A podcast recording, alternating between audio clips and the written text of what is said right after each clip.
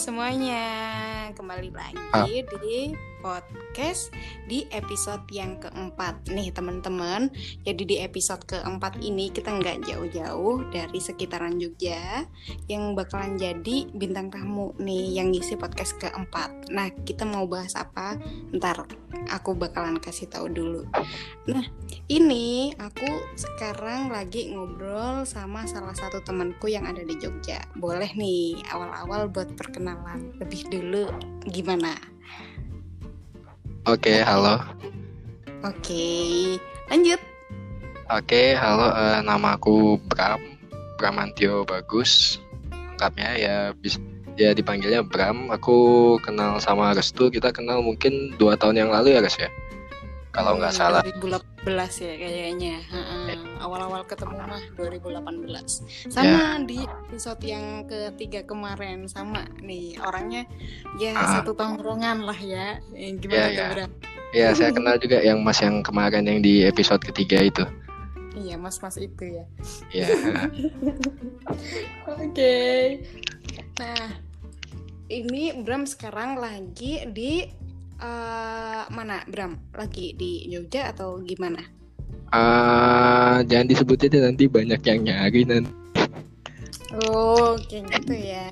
Nah, oh Bram belum ini nih belum bilang latar pendidikan iya. dulu lupa. Oh ya, sorry sorry lupa skrip tadi. Jadi Oh, lupa sekali.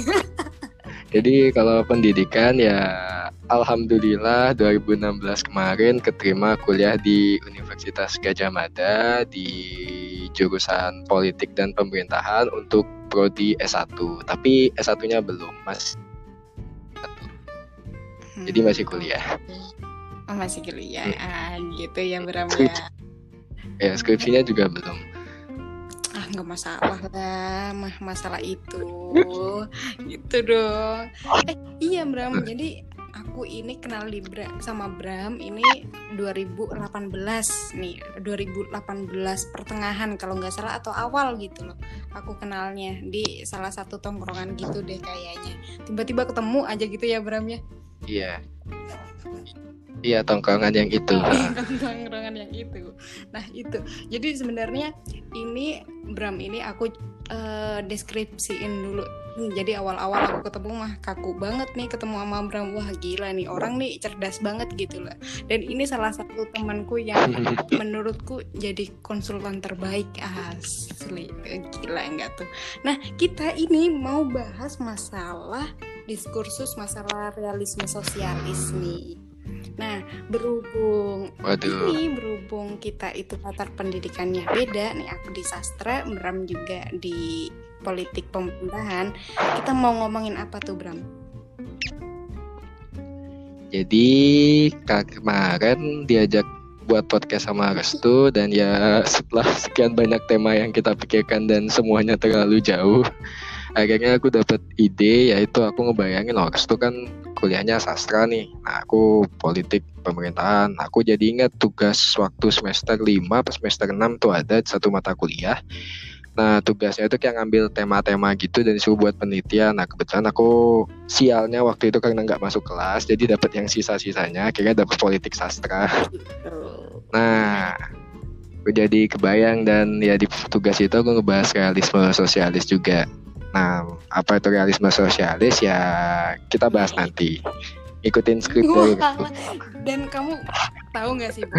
Jadi ini di episode yang keempat ini aku sengaja apa ya namanya bikin tema itu sesuai request gitu loh. Dari awal-awal itu dari Hmm. yang pertama, kedua, ketiga itu dari tema-tema yang emang aku pilih. Nah jadi di episode keempat apa ya enaknya? Nah nih gara-gara ini Bram ini di politik pemerintahan akhirnya dia request dengan aduh dengan alasan-alasan yang kemarin. Aduh kalau pakai ini kayaknya terlalu jauh. Kalau kayak gini terlalu berat. Aduh kayaknya aku nggak nyampe deh Bram. Gitu. Nah aku mau ini nih mau nanya. Eh, awal-awal di UGM si Bram nih kenapa sih emang milih di politik pemerintahan. Kalau di UB kan politik sendiri pemerintahan sendiri. Kalau di UGM jadi satu apa gimana? Di UGM jadi satu makanya agak beda dari kampus yang lain. Ya kayaknya satu-satunya di Indonesia sih memang yang jadi satu. Jadi memang beda dari kampus yang lain. Terus ya waktu itu ya gimana ya? Ya ya waktu itu masih kelas 3 SMA ya pikiran pertamanya pasti bukan kuliah di mana tapi yang penting kuliah dulu nah kebetulan dulu ya banyak sih jurusan yang mau tak coba mulai dari kriminolog di UI psikologi hukum. Tapi ya akhirnya ya lagi-lagi passing grade berbicara nilai berbicara biar lolos undangan lulusan yang direkomendasiin bimbel waktu itu politik pemerintahan ya ya udah tak ambil aja. Dan alhamdulillah ternyata bimbelnya beneran jadi keterima. Nah kalau Restu sendiri dulu kenapa milihnya sastra? Kenapa enggak HI atau FIB atau apa kayak gitu. Sebenarnya kalau mau diomongin itu sebenarnya ceritanya wah alik banget gitu loh. Jadi aku pas waktu 2016 itu sempat keterima di kedokteran sama di uh, standi kebendaraan negara. Nah gara-gara oh keren dong nah, iya kedokteran, kedokteran. di nanti kamu bisa dapat pacar yang ya pakai seragam. Allah. aku nggak suka yang seragam berapa gimana dong nah itu. Habis itu gara-gara ya salah satu permasalahan akhirnya orang tua pengen yaudah ini apa namanya daftar undangan lagi katanya gitu. Habis itu aku pilih di politik yang pilihan pertama ternyata orang tua nggak kepengen di politik. Gara-gara basic ayah kan politik jadinya nggak kepengen anaknya sama kayak beliau. Jadinya yaudah milih yang lain dong katanya gitu ya udah aku pilih yang menantang nih di sastra tapi sastra Prancis akhirnya kelabakan pas akhir semester. Aduh gila gila gila gitu. Tapi selesai kan? Yang gimana? Tapi selesai kan kuliahnya? Selesai dengan berdarah-darah dengan banyak ngeluh di close friend. Kayak gitu ya iya. Iya nanti aku juga pakai alasan itu kok pas udah selesai selesainya dengan berdarah-darah banyak ngeluh di close friend nanti kalau selesai oh, sekarang belum. belum. Oke oke. Jadi Bram, nih menurut kamu politik itu bagi kamu itu apa tuh? Jadi kalau ditanya politik, mungkin aku ngutip dari mata kuliah pengantar ilmu politik uh -huh. aja ya. Jadi dulu waktu dijelasin dosen ya hal pertama yang dikatakan sama dosen ya coba dicari dulu etimologi katanya atau kapan pertama kali kata itu diucapkan. Ya ternyata setelah dicari itu pertama kali diucapkan sama Aristoteles dulu di zaman Yunani masih keren-kerennya, masih sering masuk-masuk film. Yaitu Aristoteles bilang bahwa manusia itu zoon politikon.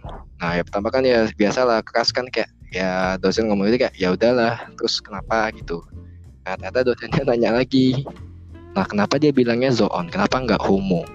Kan biasa manusia adalah homo sosial, homo homini lupus, homo economicus, atau homo-homo yang lainnya. Kenapa zoon? Nah, itu baru mulai ya mungkin ya apa suasana kelas jadi berubah, jadi atensi lebih naik dan dibilang ya itu coba cari arti kata zoon itu apa. Dan ternyata arti katanya itu binatang. Wah, kan agak aneh itu. Manusia adalah binatang politik Nah, ternyata yang dimaksudkan dosenku adalah manusia itu berpolitik secara naluriah, bukan secara akal. Ya jadi ya kayak binatang sama kalau mereka terancam mereka akan punya gerak refleks untuk gimana dan mereka saat lapar mereka punya gerak refleks juga untuk gimana ya politik juga kayak gitu. Dan setelah dari sana ya mulai masuk ke pengertian yang lebih kontemporer yang mulai dari Robert Dahl, Harold Taswell dan teman-temannya yang pada intinya aku ringkas saja biar nggak hmm. kepanjangan iya ya politik itu adalah bagian de, bagian ilmu yang mempelajari gimana cara manusia atau sekelompok kecil manusia mempengaruhi manusia lain atau sekelompok besar yang lebih besar jumlahnya manusia lain. Jadi itu belajar tentang tata cara mempengaruhi yang di mana itu adalah konsekuensi karena kita menjadi homo sosial ya karena kita tidak bisa hidup tanpa manusia lain otomatis kita dalam memenuhi kebutuhan itu akan mempengaruhi manusia lain untuk membantu kita dan akhirnya ya proses mempengaruhi itu yang dinamai politik entah dia mau lewat parlemen mau lewat partai politik mau lewat LSM dan sebagainya intinya selama ada dua subjek atau sekumpulan subjek dalam satu lingkup wilayah dan dia ada interaksi yang saling mempengaruhi nah itu sebenarnya pada politik. Jadi gitu ya. Orang-orang kira politik itu cuma tentang masalah elektoral, masalah parlemen, masalah yang lain. Tapi sebenarnya cuma sesimpel itu sih. Oke. Nah kalau Restu sendiri kenapa milih eh kok kenapa milih sastra? Ken apa sih artinya sastra itu? Ya dulu aku sempat baca sih, cuman ya karena itu bukan bagianku di kelompok, jadi aku nggak terlalu dalemin. Maksudnya ya, kalau itu dijelasin jadi satu kalimat atau satu Nah, narasi itu kayak gimana? Sebenarnya aku kalau kalau Bram mungkin ngutip dari pengantar ilmu politik. Tapi kalau sebenarnya di kuliahku itu sebenarnya bukan sastra-sastra murni yang bener-bener bener-bener ngajarin masalah apa sih itu sastra abis itu di karya-karyanya itu seperti apa gitu enggak sih Bram tapi lebih mendalam di eh, karya-karya di Prancis dan negara Frankofoni yang ada gitu. Nah, tapi kalau bisa disimpulin sebenarnya kalau sastra itu sederhana banget. Itu sebenarnya cuman hasil kreativitas akal atau imajinasi manusia pada saat itu. Nah, dari karya sastra itu sebenarnya bisa kita lihat gimana sih manusia-manusia pada saat itu pemikirannya ataupun bisa diambil kesimpulan oh ternyata eh, orang-orang ataupun masyarakat pada abad itu ataupun tahun itu oh pemikirannya seperti ini. Soalnya dalam karya sastra itu sebenarnya kayak salah satu produk dari eh, akar pemikiran manusia gitu loh. Jadi kita bisa mereka-reka gitu loh. Jadi pemikirannya orang-orang di saat itu apa? Jadi pemikiran gitu. Nah gitu. Hmm. Aku kira tadi jawabnya Oh, pakai bahasa enggak. Perancis ternyata Ampun enggak ya. Bram, aku nggak mau di sastra asing lagi. Ampun, aduh. Nah, jadi kira-kira batasnya di mana sih sebenarnya? Apa semua batasnya karya sastra itu di mana sih? Maksudnya apakah misal nih kayak lirik lagu itu bukan karya sastra, yang karya sastra adalah puisi. Maksudnya Sebenarnya kalau itu. kita ngomongin masalah kontemporer yang sekarang, karya sastra yang sebenarnya nggak terbatas gitu. Kalau dulu emang kita bisa lihat ada hikayat, gurindam dan sebagainya gitu, puisi ataupun novel kayak gitu. Tapi kalau yang sekarang tuh lebih dimodifikasi karya sastra itu juga termasuk di dalamnya film habis itu apalagi uh, artikel-artikel juga karya sastra tergantung kayak gitu. Kita menanggapinya kayak gimana gitu loh. Soalnya kalau di zaman sekarang uh, hal-hal yang kontemporer kayak gini sastra itu bisa diadaptasi di hal apa pun. Itu loh Bram. Jadi lebih susah kalau kita ngomongin masalah uh, sastra sekarang gitu. Kalau dulu kan bisa spesifikasi oh karya sastra itu cuman terbatas ini ini ini ini. Nah sekarang tuh lebih luas Ya. jangkauannya gitu. Gitu Bram. Hmm, berarti kalau misalnya ada apa soal SBM yang nanyain apa yang termasuk karya sastra adalah eh, karya sastra kontemporer adalah berarti semua jawaban bisa, tuh, disilang dong bisa kalau gitu. tergantung tapi kalau chat Oh. chat WhatsApp itu bukan karya sastra ya Bram ya nggak ada maknanya ya Ah, Iya, iya.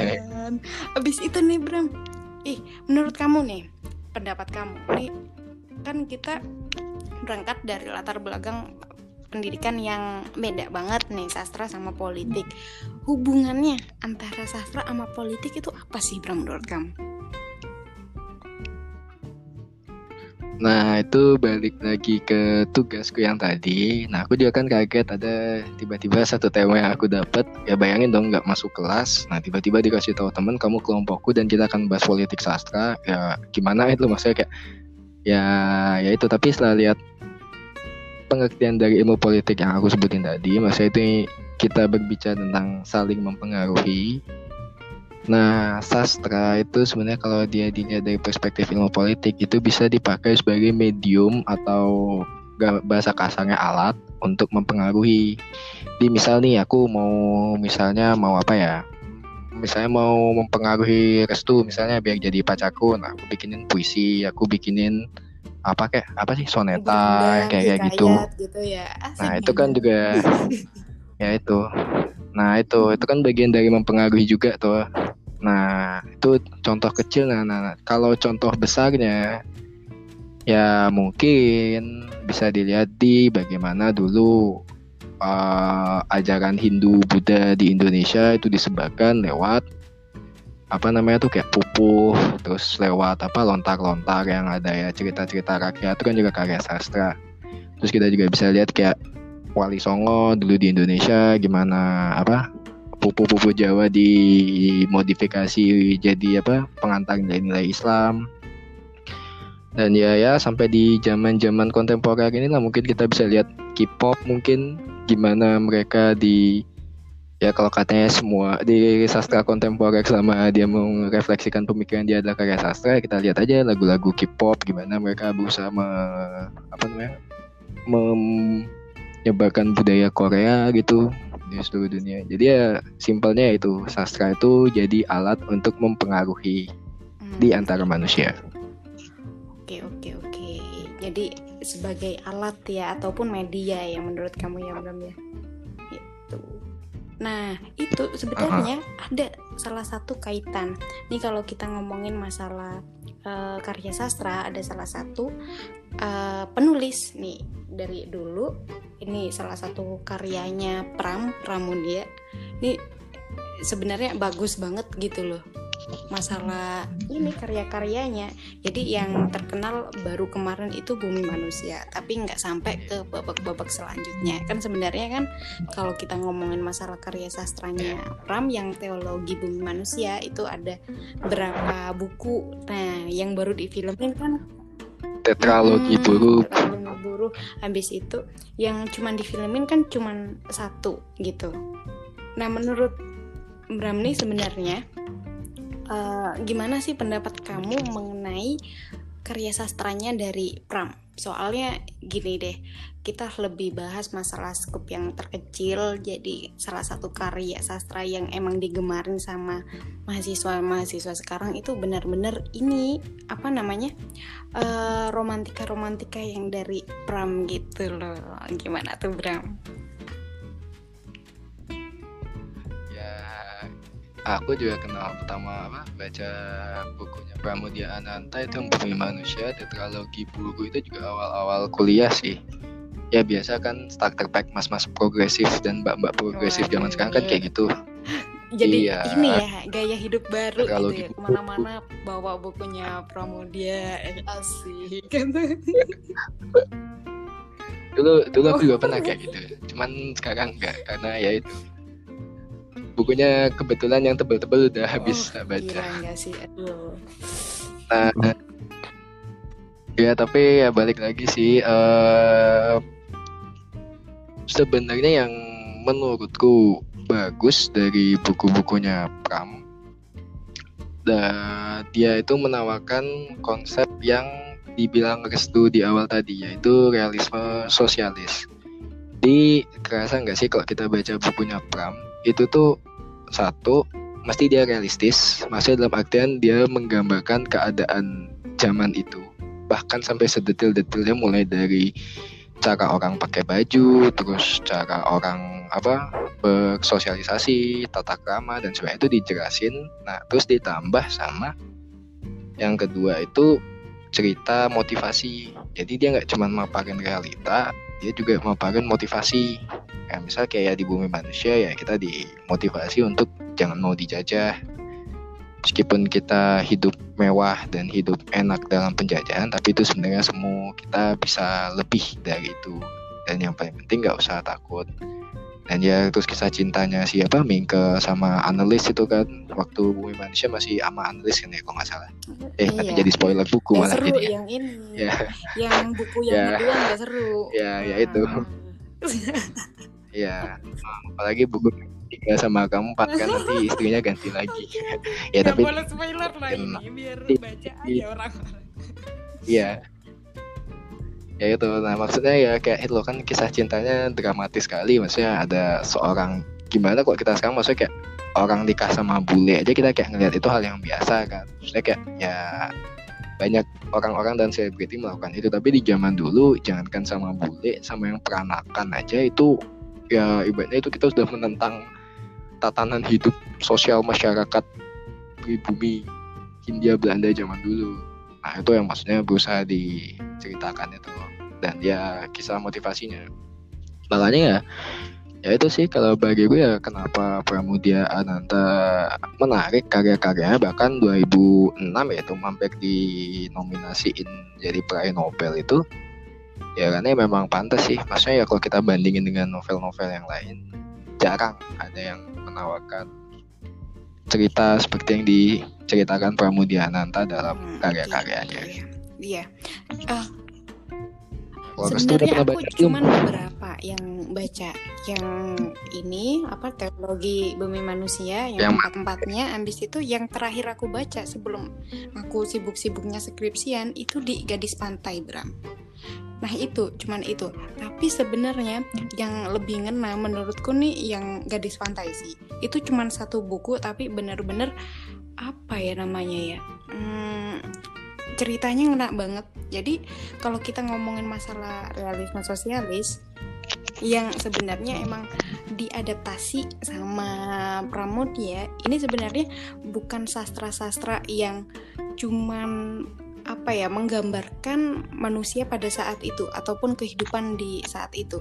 Tapi dia itu juga mampu gitu loh mampu menggambarkan masyarakat masyarakat peradaban Jawa di masa depan ngelihat nggak sih ada beberapa apa ya namanya ya cerita yang digambarin sama Pram di buku-bukunya juga dialamin pada saat ini.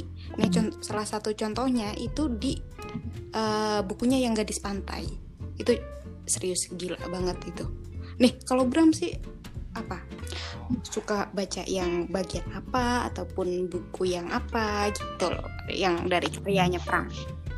Aku aku kebetulan baca bukunya itu cuma enam sih baru, baru tak baca. Yang tetralogi buru itu iya habis itu apa sang pemula yang nyeritain host cokro itu eh kok host cokro Minoto sih apa Tirto Adi Suryo ya karena baca tetralogi buru kan juga jadi penasaran wah nih katanya Mingga nih apa si Tirto kan jadi aku baca juga. Sama yang terakhir itu yang arus balik itu pun belum selesai dan ini bukunya masih di depanku belum selesai tak baca tapi yang aku paling suka ya yang tetralogi buku itu sih jujur. Terutama yang terakhir. Yang rumah kaca. Ya jadi di situ kalau kita ilmu politik itu ibaratnya kita melihat bagaimana oligarki atau invisible hand itu benar-benar bekerja. Jadi gimana hidup seseorang itu ya ternyata bisa diatur. Dengan cara-cara yang bahkan kita nggak sadar kalau itu lagi diatur Nah ini bukan bermaksud spoiler ya, tapi ya karena tadi pertanyaannya restu kayak gitu, jadi ya kayak gitu jawabannya. Bagi gue yang menarik hmm, yang itu sih. Sebenarnya kalau kita ngomongin masalah apa ya kehidupan manusia yang diatur, aku sempet baca masalah teori deontologi nih dari Immanuel Kant. Pernah baca nggak sih Bram? Masalah imperatif masalah im nah Enggak, ini gimana tuh beberapa hal yang emang di bahas sama Immanuel Kant itu mengenai imperatif hipotesis sama imperatif kategoris. Ya, jadi setiap perilaku manusia itu berdasarkan hukum moral. Jadi apa pun yang mereka lakuin itu ya tetap pada skup moralitas ataupun hukum-hukum adat yang berlaku sampai sekarang. Gitu. Oh. Kok jadi filsafat oh, banget ya iya. ya bahasannya nanti nah, jadi etika moral ini Immanuel jadi kita aduk aja gitu. gitu. kalau kita ngomongin masalah yeah, yeah, yeah. kita ngomongin masalah uh. hal-hal lain yang ngelingkupin itu gitu loh uh. wih parah sih anjir gitu tapi ada yang hal yang menarik sih dari omongannya Restu tadi tentang Immanuel kan jadi kan Immanuel kan berbicara kalau apa namanya perilaku masyarakat tuh sebenarnya mengikuti atau merujuk pada nilai-nilai moral yang mereka percayai. Nah, sadar gak sebenarnya sastra itu bisa jadi media atau alat untuk penanaman nilai-nilai moral itu. Jadi ya sama kayak Pramudia Ananta tadi, contoh yang apa yang bumi manusia itu, yang di mana ada nilai moral bahwa kita harus jadi individu yang merdeka, orang yang tidak boleh dijajah atau menjajah. Nah, apa yang ditulis di bumi manusia itu sebenarnya berusaha menanamkan nilai moral itu secara terselubung ke kita jadi ya itu secara laten dari baca-baca tulisan itu kita ditanamkan nilai-nilai kayak gitu. Oke, itu juga sebenarnya apa ya punya hubungan yang deket banget sama realisme sosialis. Nah, kita mulai bahas masalah realisme sosialis nih, Bram. Tuh, Bram dulu deh, kita paparin dulu realisme Oke. sosialis menurut Bram ini apa sih aja? Ah, aku karena lama nggak baca itu, ya mungkin nanti bisa dibetulin restu juga. Ya aku kutip intinya aja. Jadi realisme sosialis itu sebenarnya itu ditemuin, bukan ditemuin sih.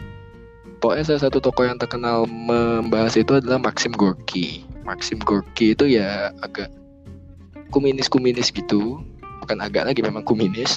Jadi singkatnya realisme sosialis itu adalah kurikulum sastranya orang-orang kiri atau orang-orang komunis.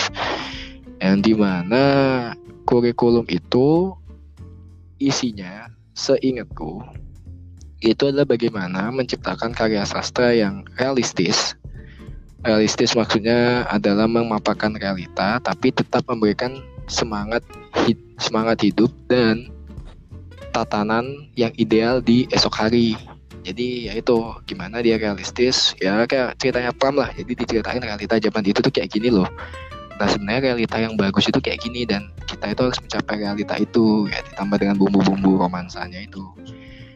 Dan ya memang Pramudia Ananta juga seorang penganut realisme sosialis karena ya zaman dulu waktu PKI belum dibunuhin satu-satu orang-orangnya dan Lekra itu juga belum diperlakukan sama. Jadi dulu PKI itu sebagai partai dia punya sayap partai yang namanya Lembaga Kebudayaan Rakyat atau disingkat Lekra. Ya itu ada di sana menaungi berbagai macam kebudayaan termasuk sastra ya tokoh-tokohnya yang terkenal di sastra itu biasanya kayak Pramudia Ananta, Joto. Nah jadi memang Lekra ya itu kayak yang aku bilang tadi jadi realisme sosialis itu kurikulum yang dipakai orang-orang kiri dan kebetulan jadi kalau zaman dulu tuh PKI di seluruh dunia itu punya PBB-nya sendiri yang namanya Komintern atau Liga Partai Komunis. Nah jadi ya, ya ibaratnya PBB ya sama kayak PBB yang sekarang mereka berbagi wacana, berbagi ya saling mengatur satu sama lain dan situ dibicara tentang realisme sosialis yang di mana pada akhirnya zaman itu PKI PKI di seluruh dunia di sayap-sayap partainya yang membahas tentang kebudayaan itu diwajibkan menggunakan realisme sosialis itu untuk memproduksi karya-karya sastra yang nanti akan membantu penyebaran ideologi komunisme di seluruh dunia. Nah mungkin ini juga akan menjawab kebingungan teman-teman kenapa TNI dan teman-teman yang lain sering membakar buku-buku kiri ya alasannya memang itu untuk menghalau datangnya penyebaran ideologi komunisme yang sudah diatur dalam TAP MPR tidak boleh beredar di Indonesia. Nah itu Restu, mungkin kamu yang baru baca coba dijelasin lagi. Aku, juga agak lupa. bacain tentang realisme ya. Gini baca masalah realisme sosialis ini dua hari kemarin ya. Gara-gara emang nih si Bram temanya realisme sosialis deh. Kayaknya asik tuh. Abis itu aku baca-baca kok keren gitu loh. Tapi ada salah satu yang bisa aku petik sampai sekarang. Ternyata di balik aliran ini, ya aliran realisme sosialis terus dibenturin lagi sama karya sastra yang ada, sebenarnya ada salah satu titik poin di realisme sosialis itu sebenarnya cuman satu hal jadi salah satu karya sastra yang memang dibentuk untuk mengkritiki mm, masyarakat pada saat itu jadi kayak masalah eh, apa namanya kelas ke kelas, abis itu masalah buruh, abis itu tani juga proletar. Nah itu benar-benar diadaptasi ke karya sastra. Bener nggak sih kalau kayak gitu, Bram? Ya kalau ngelihat dari beberapa karya sastra, ya ya kita ambil contoh yang Pram aja deh yang paling jelas ya kan dia bagian dari Lekra, dia mengambil realisme sosialis yang dia pakai. Ya kita bisa bayangin sendiri aja lihat coba isi tulisan-tulisannya Pram paling nggak jauh dari tentang penindasan, baik penindasan antar kelas, penindasan gender, penindasan ya macam-macam penindasan lah. Ya ya kayak aku bilang tadi pada akhirnya karya sastra dalam realisme sosialis itu menjadi medium atau menjadi alat untuk menyebarkan pengaruh. Gitu sih. ya Nah, gitu sih. ada salah satu lagi nih Bram. Jadi aku eh, searching searching nih dan baca-baca masalah ini karyanya Pram. Ini sebenarnya ada beberapa spesifikasi. Kalau kita ngelihat itu ada salah satu hal yang sama di karyanya hikayatnya Kadirun. Hikayat Kadirun dari Ismaun. Hmm, yang gimana tuh?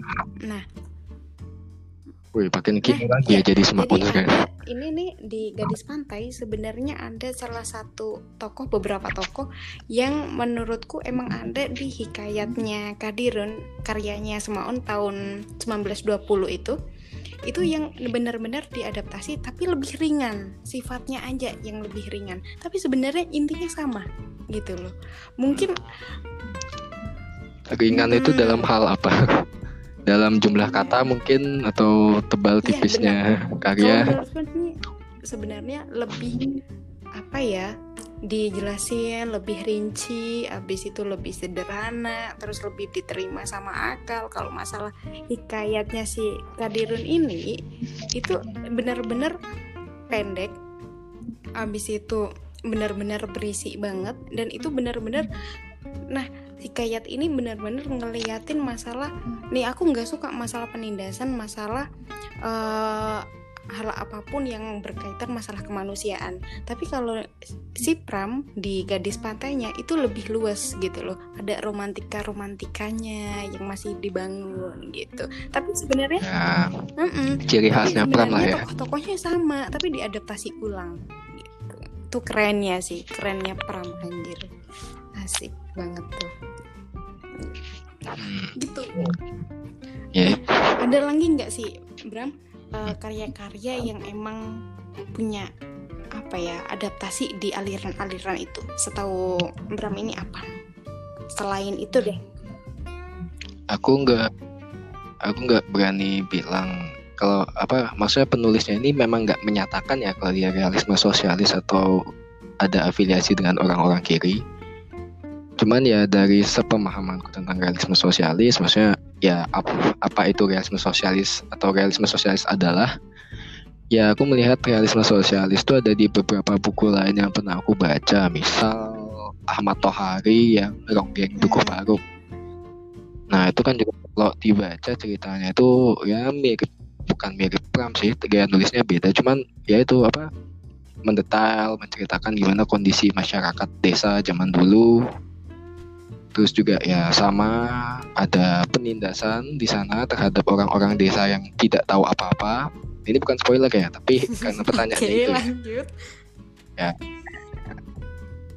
Ya terus ya itu ada tatanan atau moral value atau cita-cita yang harusnya ideal untuk diterapkan. Ya dan ya buku itu juga aku baru ingat itu sempat di zaman Orde Baru yang Ahmad Tohari itu sempat di apa ya disunting maksudnya ya intinya di remake lah biar nggak Oh, Kiri-kiri banget. Um, lagi satu mungkin kalau yang dari luar negeri itu tulisannya George Orwell yang Animal Farm itu kalau Hmm, sadar. oke Jadi ya memang ceritanya nggak realistis realistis banget sih karena itu fabel. Jadi ya peternak diceritakan di gimana di sebuah peternakan binatang bisa bicara ya layaknya fabel menggalang pemberontakan melawan penindasan ya seperti itu. Jadi ya di dua buku itu sih aku pernah menemukan ya kalau sesuai tulisan apa apa yang dimaksud sosialis ya di dua buku itu. Mungkin Restu di buku-buku lain juga pernah nemuin. Eh, kalau di buku-buku lain sih sebenarnya aku nggak terlalu ini ya nggak terlalu ngeliatin banget gitu loh tapi kalau Tan Malaka itu pasti banget masalah girinya wah gila itu tapi terla- nggak terlalu sastra Mhm. sebenarnya itu tapi kalau aku ngeliat di sifat-sifatnya di sifat-sifat aliran itu sebenarnya kalau kita bisa lihat ada beberapa hal yang emang dimetaforakan gitu nggak sih Bram?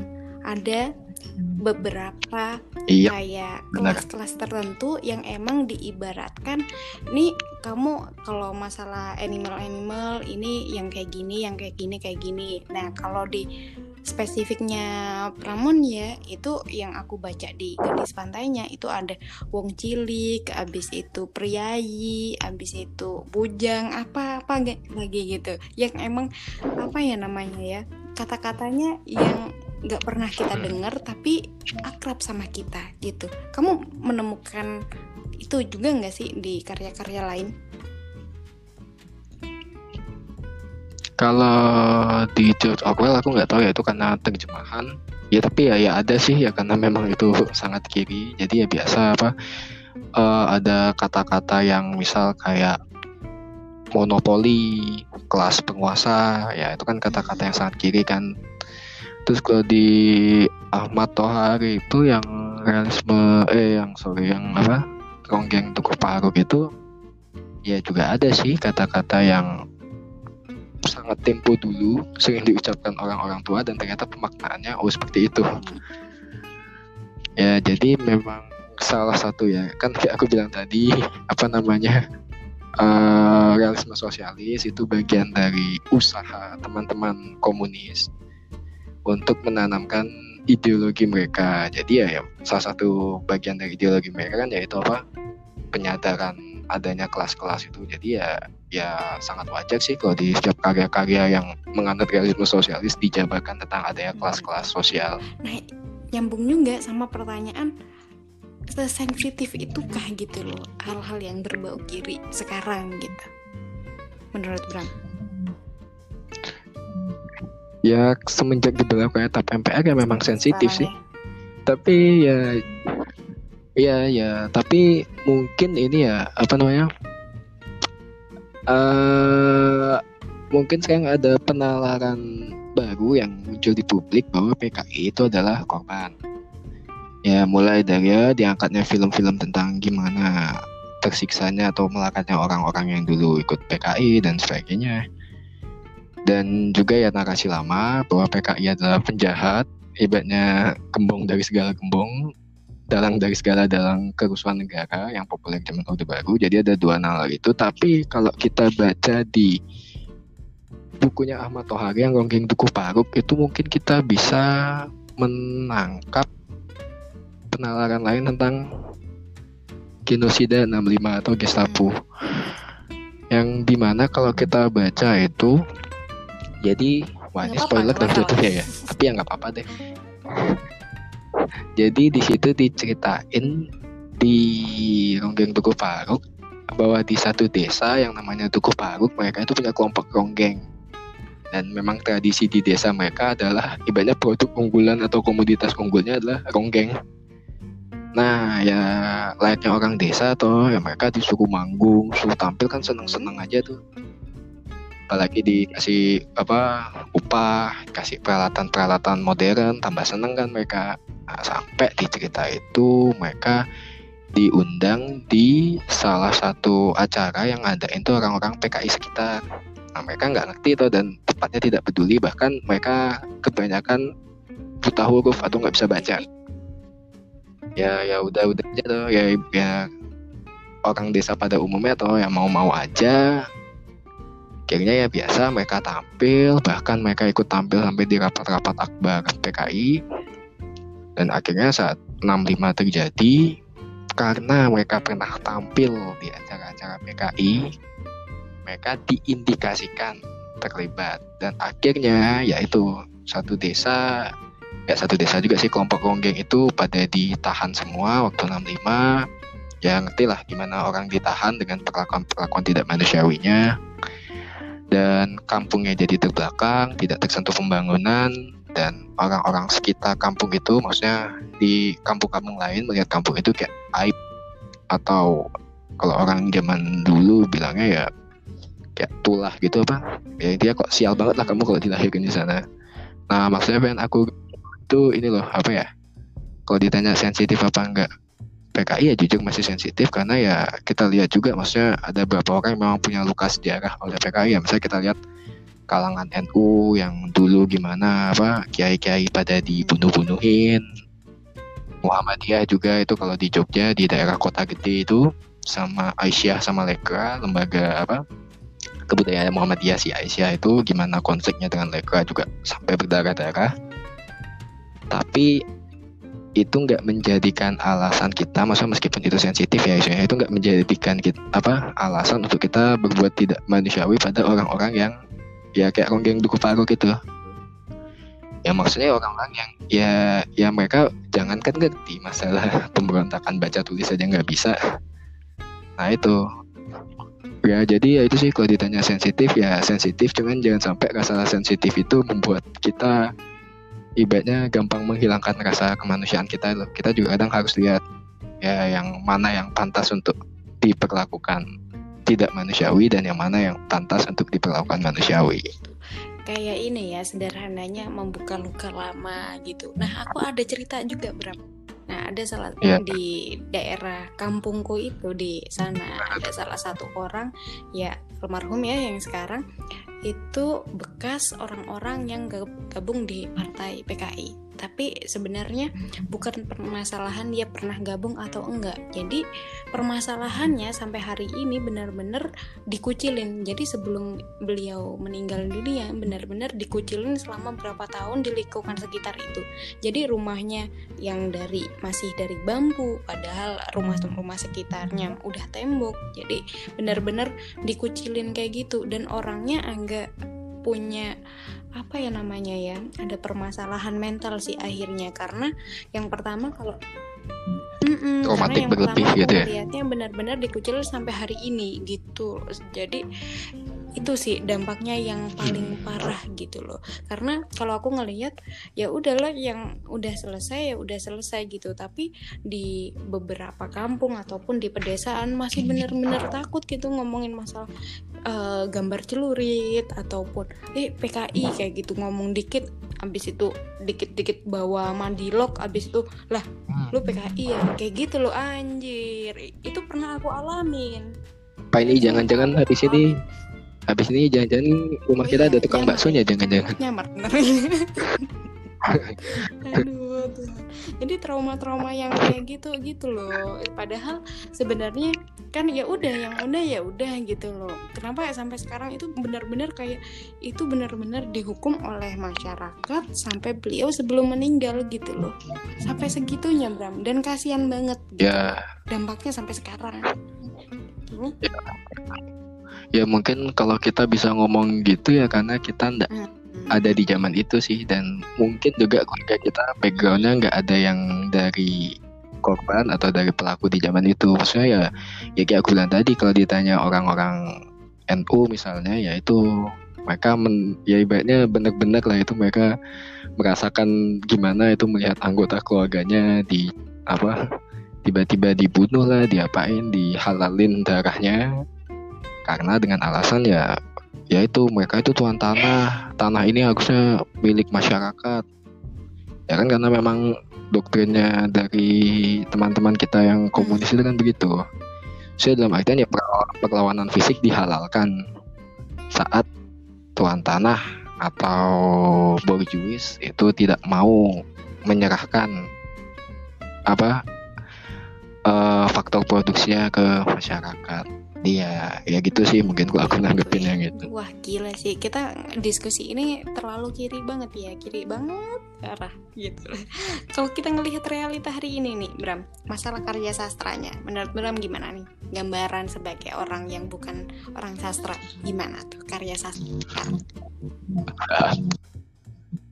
ya nggak tahu ya mungkin nanti Restu bisa kasih pembahasan yang lebih detail cuman kalau aku sih sebenarnya untuk sastra-sastranya Pram ya bisa dibilang itu termasuk sastra yang konstruktif. Maksudnya ya, ya kita jarang lah mendapat bacaan atau nonton film atau melihat tayangan yang gimana itu bisa memacu semangat.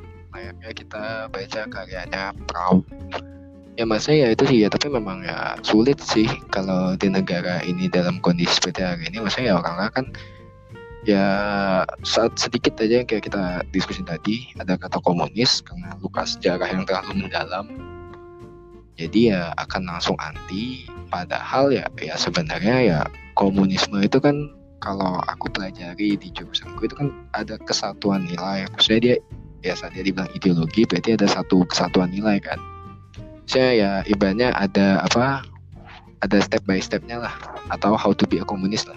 Dalam artian ada step 1, 2, 3, 4, 5 dan seterusnya. Jadi ada tatanan nilai yang di mana kita sebenarnya tidak harus mengambil semuanya. Ada beberapa yang bisa kita ambil.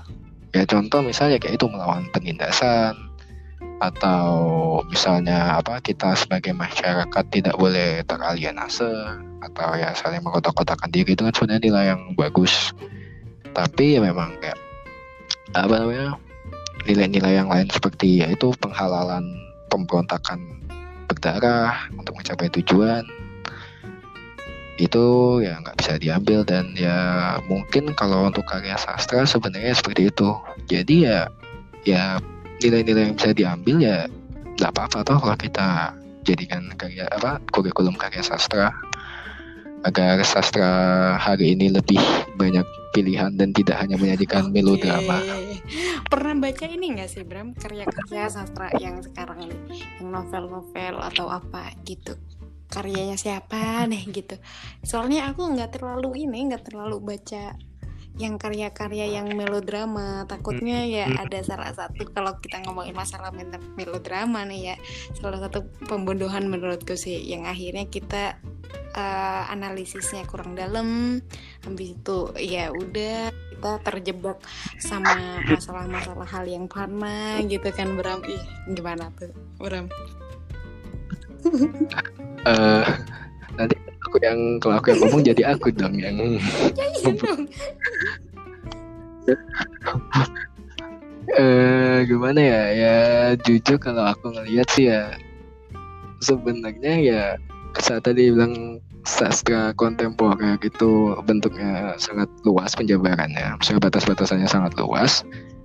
Ya kita hal yang paling gampang kita lihat dari lagu aja deh, dari lirik lagu. Makanya kan tadi aku di awal sempat tanya lirik lagu ini ah, iya, termasuk sastra apa enggak ya kita bandingin.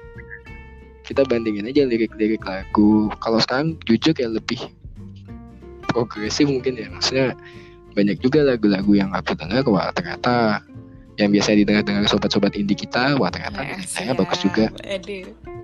Nah, tapi kita kita tengok ke zaman 2010 ke bawah yang maksudnya masih masih zaman Peter Pan zaman ungu zaman Chef ya kita bisa bayangin itulah gimana lirik-lirik lagu waktu zaman itu terlalu melodrama hmm, banget gak sih? sih? Maksudnya masalah band ya, tapi semuanya.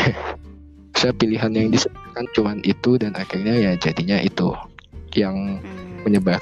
Jadi sebenarnya sampai sekarang hmm. kalau aku ngelihatnya ada salah satu perbedaan sih dari tahun-tahun kemarin berapa tahun kemarin itu yang apa namanya uh, perbedaan dari lagu-lagunya yang ungu habis itu Peter Pan habis itu apa-apa apa habis itu sekarang lebih ke indie folk kayak, kayak gitu kayak gitu. Tapi benar-benar ya, apa film gimana? juga. Sama film juga kayak gitu kan. Kalau kita lihat film-film Indonesia di zaman-zaman dulu ya kita akan identik dengan apa namanya uh, apa sih itu yang filmnya Rahel sama Farel itu? Yang ini kan syutingnya di Bandung oh, yang kan. ya itu yang lagi ngetren di meme-meme sekarang itu aku lupa judulnya. Nah itu ya. Ya ya anggaplah itu. Nah itu saya kan sangat melodrama banget. Tapi kalau kita lihat film-film sekarang kan yang film Indonesia mulai ada kayak ya kemarin Bumi Manusia di filmin terus juga apa sih ya kucumbu tumbuh indahku ya yang sempet hmm. di band itu pada akhirnya. Terus juga terus juga apa istirahatlah kata-kata di film ya yang ya, di filmin. Iya. Oh, kemarin baru tayang di TVRI soalnya. Makanya kan itu bentuk itu jujur sebenarnya bentuk ke gimana pemerintah sudah memberikan kebebasan berekspresi. Ya kamu bayangin aja kalau zaman orde baru film itu bisa ditayang di TV, apa TVRI itu kan ya TV yang perusahaan pemerintah. Ya kamu bayangin aja zaman orde baru boleh nggak ada film kayak gitu? Masuk TV yang TV ya pemerintah. iya sih ada perbedaannya. Itu jadi menurutku kalau karya sastra hari ini jujur lebih variatif sih daripada medium-medium di 2015 atau 2010 ke bawah itu sekarang sudah mulai variatif sih. Itu menurut oh menurut kamu ya gitu. Mm -hmm. menurut aku, okay. ya, menurut aku. kita lanjut aja deh di pembahasan yang terakhir itu nih menurut kamu nih perubahan besar-besaran di karya sastra itu sebenarnya bisa dan apa kesannya sebenarnya ya balik ke omongannya Restu tadi ya itu kan katanya sastra itu refleksi pemikiran seseorang atau bud apa refleksi pemikiran masyarakat di satu zaman atau satu periode tertentu. Nah, kalau memang karya sastranya melodrama atau karya sastranya ya nggak logis mungkin kayak film-film yang apa yang di salah satu stasiun TV itu. Yang biasanya tiba-tiba ada naga terbang tiba-tiba mayatnya masuk apa masuk pengaduk semen gitu. Nah itu berarti juga berarti pertanyaanku itu juga refleksi pemikiran masyarakat sekarang dong. Maksudnya dalam artian masyarakat ya, ya kayak gitu. Kalau katanya kok kata kamu tadi apa itu adalah refleksi pemikiran masyarakat ya. Ya yang aku nangkapnya kayak gitu dan sebenarnya untuk sastra itu menurutku ya bagusnya ya bukan diatur atau dikekang kayak zaman orde lama atau orde baru sih. Lebih bagus ya disediakan variasinya. Beda loh menyediakan variasi dan mengatur itu loh. Uh, kalau mengatur kan berarti ada yang dilarang. Kalau menyediakan variasi berarti kan ada yang didorong atau dibantu Nah, kalau yang apa sorry mengatur tadi berarti ada yang melarang tapi ada yang didorong dan dibantu. Nah, kalau ini kan semua didorong dan dibantu. Nah, menurutku yang ideal itu seperti itu sih dan ya usaha-usaha sekarang ya kayak ya itu apa mendukung produksi-produksi film dalam negeri yang ya nilai-nilainya bagus itu atau ada juga misalnya kayak apa sineas-sineas kayak Watchdog gitu yang mau memproduksi apa film-film dokumenter yang bahas realita-realita itu dan juga bahkan ada apa ajang-ajang pencarian bakat untuk teman-teman kita yang suka ngopi itu teman-teman indie itu juga iya, bagus iya. sebenarnya nah ya itu sih intinya di Indonesia itu ya kalau aku lihat untuk sastra sebenarnya mendukungnya itu yang kurang. Untuk beberapa genre ya ya mungkin ya karena apa namanya faktor sejarah adanya luka-luka lama yang tidak ingin dibuka kembali dan ya itu sih apa refleksi pemikiran masyarakat juga. Maksudnya ya kalau saat tadi kamu bilang ya itu apa sastra itu merupakan refleksi pemikiran masyarakat ya pemikiran masyarakat sekarang ya dominan pada genre-genre tertentu. Hmm, dia ya itu sih. juga ini nyambung sama ini pemikiran dari salah satu ini ya. Apa namanya dari kutipannya Pram itu dia bilang di salah satu bukunya aku nggak aku lupa bukunya apa. Itu dia beliau bilang gini semakin dijauhkan dari masyarakat semakin kuat kelas yang tidak menginginkan masyarakat baru yang banyak dengan syarat terbebas dengan adanya kapitalisme. Jadi perkembangan sastra itu semakin jauh kesusastraan itu makin berkembang adanya kapitalisme. Gitu sih Beram Nah sekalian nih ini closing nih. Closingan karena kita udah lama banget ini ngobrol. Jadi aku mau satu kata hmm. dua kata dari Bram. Apa sih sebenarnya sastra itu menurut Bram dan apa yang harus kita lakuin sebagai anak-anak muda yang emang udah agak jauh dari sastra sastra kayak gitu? Mencintai sastra atau memproduksi sastra? Apa tuh Bram? Ya balik ke omongannya Restu tadi. Jadi ya kalau dilihat satu dua kata tentang sastra ya sastra itu refleksi pemikiran. Itu aja dan selama kita masih punya pemikiran atau kalau katanya René Descartes apa selama kita berpikir maka kita ada. Banyak ya itu kita masih punya pikiran dan ya nggak usah takut untuk mengungkapkan apa yang kita pikirkan dan ya itu ibaratnya kalaupun apa namanya ya kan biasa ini akhirnya nyangkut ke masalah milih kuliah juga biasa kan ada orang yang takut tuh milih satu jurusan atau beberapa jurusan tertentu yang dirasa prospek mm-hmm. kerjanya minim ya kayak sastra itu kan ya nggak tahu kalau di daerah lain ya tapi kalau dulu di daerahku di Bali ya masih orang-orang masa kayak ya banyak kuliah juga memikirkan masalah kerja dan hitung sedikit prospeknya ya nggak usah takut lah. Ya selama jurusan itu masih ada berarti ilmu itu masih dibutuhkan. Pikirannya ya gitu aja. Ya ya itulah semoga ke depan banyak muncul sastrawan-sastrawan yang lebih cerdas lebih keren lagi karyanya kayak yang muncul belakangan-belakangan ini. Udah nih, nih di pengunjung podcast kali ini aku mau ngucapin terima kasih banyak buat Bram Antio Bagus yang udah mampir nih hari ini. Makasih ya Bram, semoga kita ketemu lagi. Ya. Oke, okay, sama-sama. Ya, ya malam.